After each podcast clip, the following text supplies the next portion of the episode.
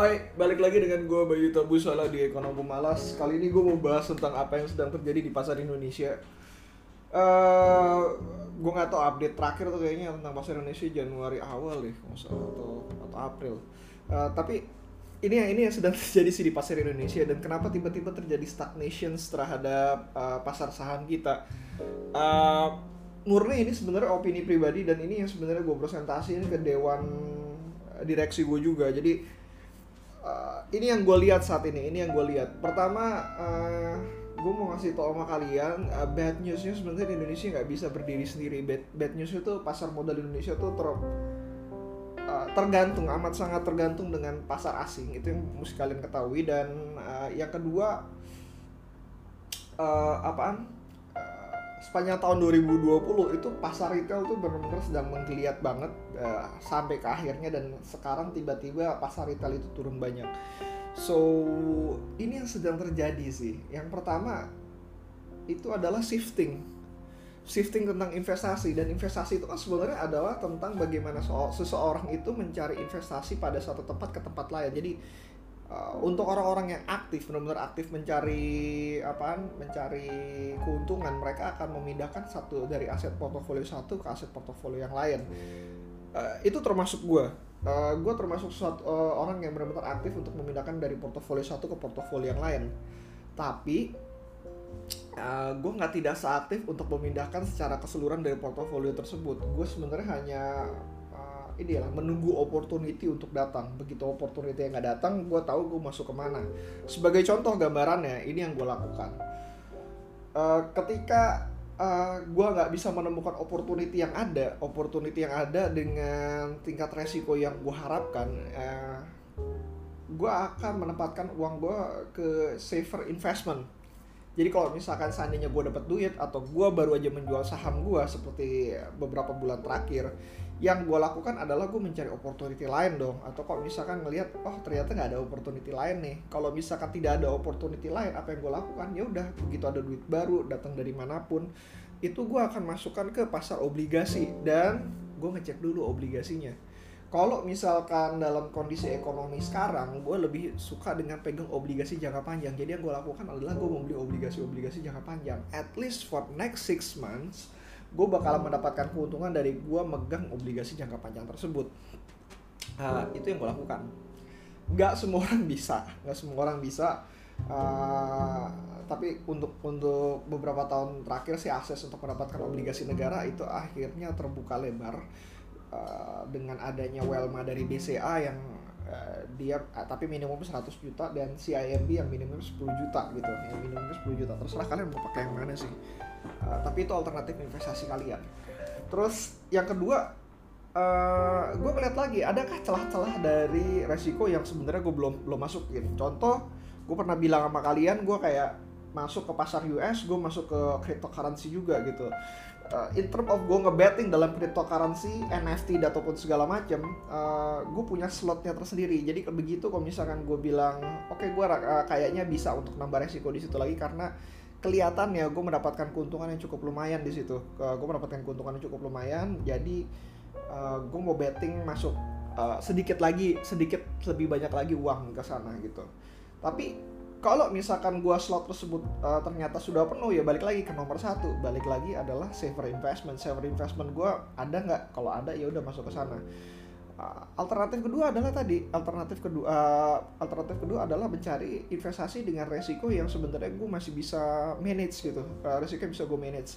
Entah ke pasar US entah gue main options entah gue main NFT uh, non fungible token atau uh, gue main cryptocurrency gitu. Gue gue gue masuk ke cryptocurrency. Every investment every single investment itu punya opportunity dengan yang opportunity dan uh, resiko yang berbeda-beda. Uh, baik gue mau mainnya properti. Ya it's okay.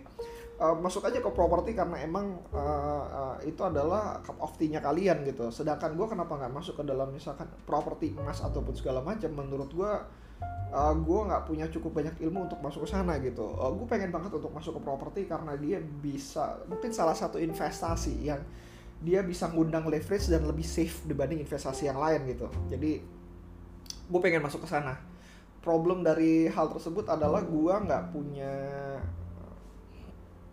uh, apa gue nggak nggak nggak punya cukup banyak uh, kapital untuk gue deploy masuk ke resiko properti di mana uh, resiko paling parah dari sebuah properti menurut gue sehingga saat ini adalah jangka time frame jangka waktu di mana gue benar-benar harus nunggu uh, at least kayak dua tahun ke depan lah. Gue belum tahu cara flipping flipping dari sebuah properti dengan cara cepat tapi itu belum mungkin belum saat ini mungkin di masa mendatang uh, I'll let you know all kalau misalnya gue masuk ke properti juga. Nah uh, itu itu dari satu sisi ya satu sisi kenapa IHSG seperti ini. Jadi IHSG kita tuh uh, tahun lalu itu dipamping dengan yang namanya uh, burden sharing di Indonesia atau istilah kerennya itu namanya quantitative easing. Quantitative easing itu adalah BI bukan BI sih bank sentral dengan pemerintah bekerja sama intinya gitu. Bank sentral pemerintah kerjasama untuk uh, membanjiri uang, eh membanjiri uang, membanjiri masyarakat dengan likuiditas. Intinya di situ, membanjiri masyarakat dengan likuiditas. Jadi pemerintahnya butuh uang, tapi mereka nggak uh, untuk mengejut ekonomi, tapi mereka nggak bisa apa? Mereka mereka nggak nggak bisa terbitin begitu aja karena masyarakat yang nggak ada duit. Akhirnya mereka minta tolong sama BI. Sedangkan BI sebagai bank sentral yang menjaga stabilitas uh, stabilitas mereka ngelihat masyarakat ini butuh uh, apa butuh digenjot ekonominya sehingga bisa berjalan. Permasalahannya uh, ilmu ekonomi bukan ilmu ekonomi uh, tools yang ada yang dipunyai uh, dimiliki BI itu untuk pelonggaran pelonggaran uang tersebut sekarang sudah tidak cukup. Mereka harus datang ke pemerintah. Toolsnya itu biasanya kan coba naik turunin suku bunga uh, perbanyak atau mengurangi GWM, giro wajib minimum, sehingga bank bisa lepas atau menahan. Terus uh, ya seperti itulah uh, untuk jaga inflasi dan segala macam. Efeknya tuh cukup panjang. Akhirnya mereka datang ke pemerintah, oke okay, gue mau danain lo, tapi gue minta program lo, ada beberapa dari programmu adalah untuk uh, bantuan tunai langsung atau bagaimana caranya, kayak contoh lah maksudnya bantuan langsung atau contoh uh, gimana caranya pemerintah jadi uh, apa rakyat jadi punya duit sehingga mereka bisa belanja dan begitu belanja mereka bisa uh, dapetin uh, apa uh, bisa ada gain traction terhadap ekonomi tersebut gitu. Nanti gimana kalau misalkan udah banjirin duit nanti terjadi inflasi? Loh, itu yang kita butuhkan inflasi tersebut. Asal inflasi itu terjaga, inflasi itu harus terjaga uh, di mana dari sisi bank sentral mereka bisa menarik uang-uang tersebut kembali. Gimana cara bank sentral menarik uang ya, uang kembali tadi? Ya tinggal pemerintah suruh stop uh, nerbitin obligasi, mereka yang jualan obligasi yang sudah dimiliki, mereka yang jualan sehingga uh, rakyat itu punya instrumen tempat safe haven mereka untuk menaruh uang sehingga perputaran uang menjadi lebih lambat. Itu yang terjadi.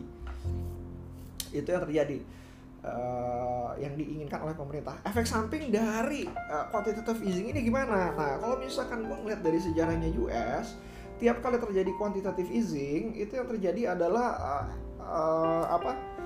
Aset-aset itu terapresiasi. Kenapa ya rakyatnya punya banyak duit gitu. Orang yang tadinya pegang obligasi, orang yang tadinya pegang obligasi uh, apa tiba-tiba harganya naik. Kenapa ya? Bank, bank sentral beli-beliin obligasi tersebut sehingga stoknya makin minim menipis. Begitu stoknya menipis harganya meningkat. Ada ada ada masyarakat yang akhirnya melepas obligasi tersebut juga gitu. Nah uh, apalagi gitu apalagi ya uh, bisnis jadi jalan bisnis jadi jalan. Ada peningkatan ada bantuan tunai langsung dan segala macam uh, sehingga bisa jalan bisa jalan Perbedaan antara yang punya US dengan yang Indonesia adalah yang punya US itu mereka nerbitinnya benar-benar gila-gilaan. Mereka bilang katanya over overpopulating money di masyarakat. Jadi kalau misalkan itu quantitative easing yang berlebihan itu jauh lebih baik dibanding quantitative easing yang kurang. Dia bilang gitu. Jadi lebih baik mereka kelebihan lah. Ya dihitung juga sih dikit gitu dibanding kekurangan quantitative easing. Sedangkan pemerintah kita, kita nggak punya luxurious untuk nerbitin quantitative easing kayak US.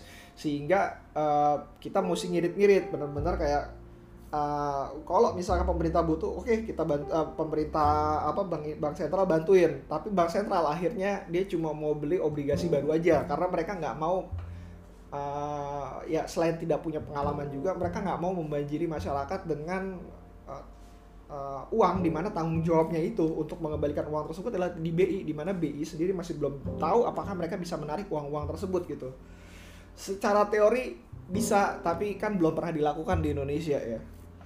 So uh, mereka cuma mau beli di primary market aja yaitu ketika pemerintah menerbitkan obligasi mereka beli. Di secondary-nya sekarang sudah jarang-jarang. Kecuali kecuali terjadi kasus khusus misalkan asing keluar mereka menjual obligasi menjual ininya ah ya udahlah BI beli gitu BI beli. Kenapa? Kalau nggak seperti itu ya rupiah kita akan terdampak. Kalau rupiah kita terdampak, investasi kita uh, akan lebih banyak lagi yang keluar.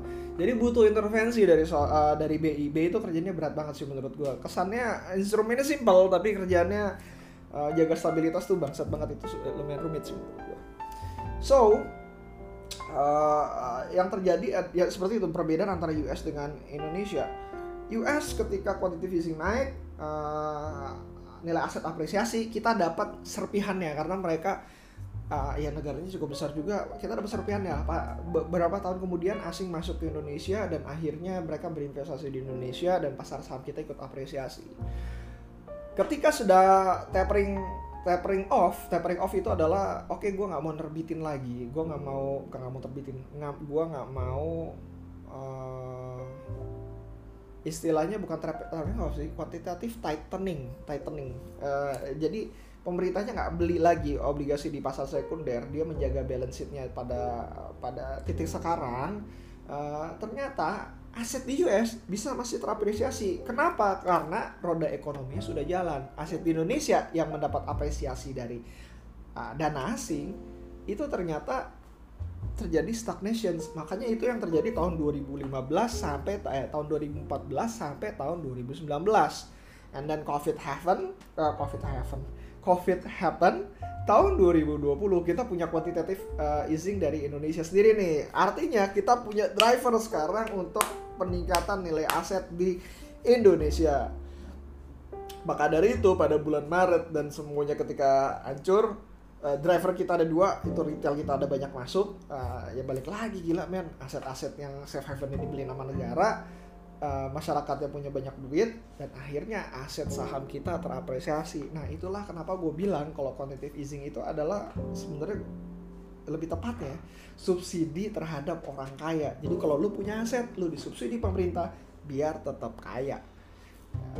Uh, is the truth. Kenyataannya begitu gitu. Kenyataannya begitu.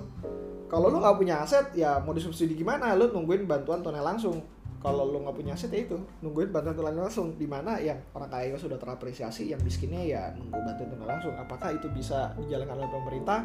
Ya kalian baca sendiri. Beritanya lah di luar. Nah uh, lalu kenapa tiba-tiba tahun 2021 pada awal-awal sampai sekarang itu uh, marketnya tiba-tiba stagnation? Satu gue mau ngasih tahu sama kalian. Satu nilai asetnya nggak ada yang benar in term of uh, valuations ataupun macam-macam gitu gue cuma gue cuma nemuin a handful of uh, company that uh, yang layak untuk diinvestasikan lah.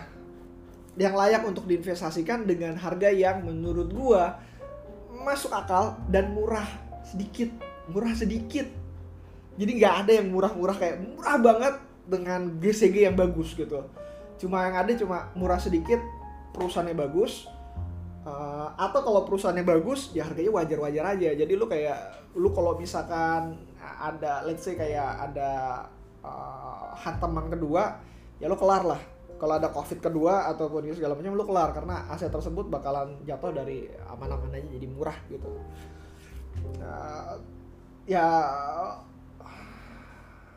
untuk beberapa persen dari apa yang gue hasilkan ya gue berani betting ke sana sih. Tapi lebih baik untuk menunggu aset-aset tersebut uh, memiliki harga yang lebih wajar lagi. Jadi yang gue lakukan adalah wait and see. Gue bukan bapak lo Keng Hong yang berani untuk mendeploy uang ya. Uh, karena ya balik lagi kalau misalkan dia kehilangan is still a trillionaire rupiah. Gue uh, gue nggak sebanyak itu gue nggak sebanyak itu juga. Uh, dan pada akhirnya pada akhirnya uh, ini bakalan jadi permainan tunggu-tungguan sih jadi permainan tunggu-tungguan. Terus yang kedua yang kedua lu bayangin quantitative easing di Indonesia ya tadi itu sebenarnya ngirit-ngirit. Dan belum ada dana asing dari US yang mau masuk ke Indonesia. Ya balik lagi kalau misalkan lo mau ngeliat dana asing masuk ke dalam Indonesia nggak seperti kayak tahun tahun 2008 di mana yang kena masalah itu adalah US kita sebenarnya kan aman-aman aja gitu. Jadi dana asing bisa masuk dengan cepat. Sedangkan ini US sendiri melihat bahwa oke okay, gue udah mulai sehat gue mau masuk ke pasar Asia Tenggara atau ke emerging market ya gue lihat dulu. Wah ada masalah nih di India. Aduh emerging market kayaknya mirip-mirip sama India nih gitu. The shit thing happens uh, apa itu yang itu yang ada di pikiran mereka gue bicara dengan aset manajemen yang basisnya asing dengan dengan dengan fund manager asingnya mereka. Itu yang itu yang terjadi itu yang terjadi. Mereka tuh benar-benar nggak bisa nggak bisa menyalahi aturan perusahaannya. Jadi kok misalkan masuk tuh mereka ngirit-ngirit. Pada akhirnya apalagi stagnations. Kedua uh, begitu terjadi stagnation kayak gini dan setelah rally yang cukup panjang retail ya aku udah cukup dapat untung segala macam. Ya udahlah gue pindah lagi. Aset yang apresiasi lebih banyak mana? Bitcoin dan akhirnya semua orang pada pindah ke bitcoin. Uh, ke cryptocurrency lebih tepatnya. Dan yang paling lucu tuh sebenarnya gini ya even kayak ada tiga, dari tiga uh, dari tiga orang uh, apa sih namanya perencana keuangan yang gue kenal dua itu memindahkan aset mereka. Cukup besar ada yang menutup reksadananya ada yang sebagian besar itu masuk ke cryptocurrency. Karena menurut menurut mereka itu jauh lebih menguntungkan. Yang yang literally sebenarnya aset apresiasinya gue nggak tahu dapat dari mana gitu. Dan gue ngeliat gue ngeliat bersama pandangan gue Bitcoin tuh punya cap. Di mana capnya gue rasa kalau dia mau masuk ke angka dari 100 ribu ke 200 ribu it's it's it's hard going to to, to happen. Karena tiba-tiba orang terkaya di dunia setengahnya itu tuh jadi uh, dari cryptocurrency. Dan menurut gue itu nggak mungkin banget gitu. Even dari 100 uh, dari 100 ke gue ngerasa cryptocurrency mungkin bisa bertumbuh dari angka sekarang ya ke kurang lebih 10 kali lipat 10 kali lipat lagi karena itu total semua duit yang berputar di dunia. Uh, gue nggak yakin. Gue nggak yakin kalau misalkan uh, uh, cryptocurrency bisa lebih tinggi apa bukan cryptocurrency bitcoin bakalan bisa lebih tinggi dibanding itu. Uh, let's see. I could be wrong Uh, kalau kalian percaya dengan cryptocurrency silakan invest. Uh, dengan Bitcoin maksudnya silakan invest. Sedangkan gue lebih baik invest di koin-koin yang menurut gue mempunyai underlying business sendiri. Uh, if there is a business uh, I'm going to invest in the coin. Uh, jadi itu itu itu itu yang gue lakuin. Uh, Uh, lalu ke arah mana nih kita bakalan terjadi di di di di, di pasar saham kita ini? Kita bakalan mau ke arah mana sih? Uh, the truth is kalau seandainya pemerintah dari negara mana pun selama dia mencetak duit aset itu akan terapresiasi.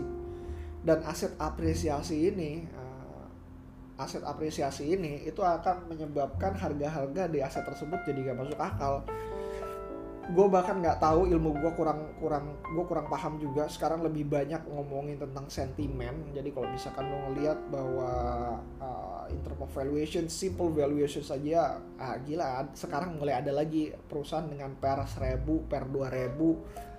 Uh, P ratio maksudnya P ratio seribu berarti seribu tahun balik modal 2000 tahun balik modal. Sedangkan pertumbuhan dari perusahaan tersebut 30% aja nggak dapat cuma gara-gara sentimen bahwa oh ini it's going to be digital.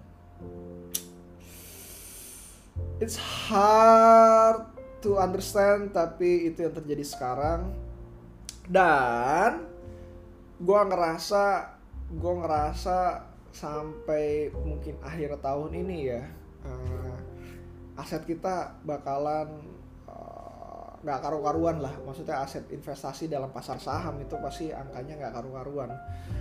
Uh, pemerintah sudah mulai lagi melakukan quantitative easing menggunakan secondary market lagi yaitu membeli pas, uh, obligasi dengan dari dari dari dari tangan-tangan investor dan harga obligasi sudah mulai bergerak turun. Uh, problem dari hal tersebut adalah tidak sebanyak pada dari tahun lalu. Jadi nggak nggak sebanyak tahun lalu karena uh, balik lagi sekarang yang pegang obligasi di Indonesia itu kebanyakan Bank Indonesia. Jadi uh, sekitar 30% dari obligasi negara kita dipegang Bank Indonesia. Uh, asing itu asing itu udah turun dari 40% menjadi di bawah 30% asing sudah tidak punya kuasa terhadap negara kita pada waktu zaman sebelumnya lo bisa bayangin turun kayak 10% aja tuh bisa gerakin satu setengah persen dari yieldnya sehingga harga obligasi bisa turun banyak harga obligasi bisa turun banyak. Sekarang uh, ya ikutan turun cuman nggak seburuk dibanding tahun lalu jadi pasarnya dipegang oleh lokal semua. Bagaimana dengan pasar saham kita? Gue masih belum tahu pasar saham kita sebenarnya dipegang oleh yang mana gitu karena uh, informasi tersebut benar-benar kurang jelas. Informasi uh, kepemilikan terhadap uh, siapa yang punya asing dan segala macam itu kepemilikannya itu belum jelas dan gue belum berhasil merekap hal tersebut. Uh, tapi kalau misalkan hal tersebut sama dengan pasar obligasi ya kemungkinan besar asing sih sebenarnya udah keluar. Gue bakalan expect bakalan terjadi koreksi tapi tidak sebesar tahun lalu. Dan yang menarik gue ngelihat kondisi hari ini yang kita yang kita alamin sekarang itu nyaris sama dengan tahun lalu uh, nyaris sama dengan tahun lalu dengan magnitude yang lebih kecil. Jadi kalau misalkan kalian mau ngambil keuntungan ya silakan. Gua sampai saat ini akan menunggu hingga dua bulan ke depan untuk masuk ke pasar saham atau gua kalau misalkan ngelihat adanya opportunity yang benar-benar saham tersebut murah. Kenapa? India uh, Indonesia punya punya ini ya menurut gua bukan masalah India sih. Uh, Indonesia punya kecenderungan kita terlambat merespon sesuatu. Jadi kalau misalnya kita ngelihat India sudah seperti itu, gue bakalan ngeliat apakah hasil dari lebaran ini bisa menghasilkan sesuatu yang mirip-mirip kayak India. Hopefully not, tapi I'm going to be prepared for that. Uh, sekian dari gue. Kalau misalkan ada pertanyaan lagi, silakan email. Kalau ada ya email, DM dan segala macam, WhatsApp jangan deh. Gue gue ngasih WhatsApp. See you again next time. Bye.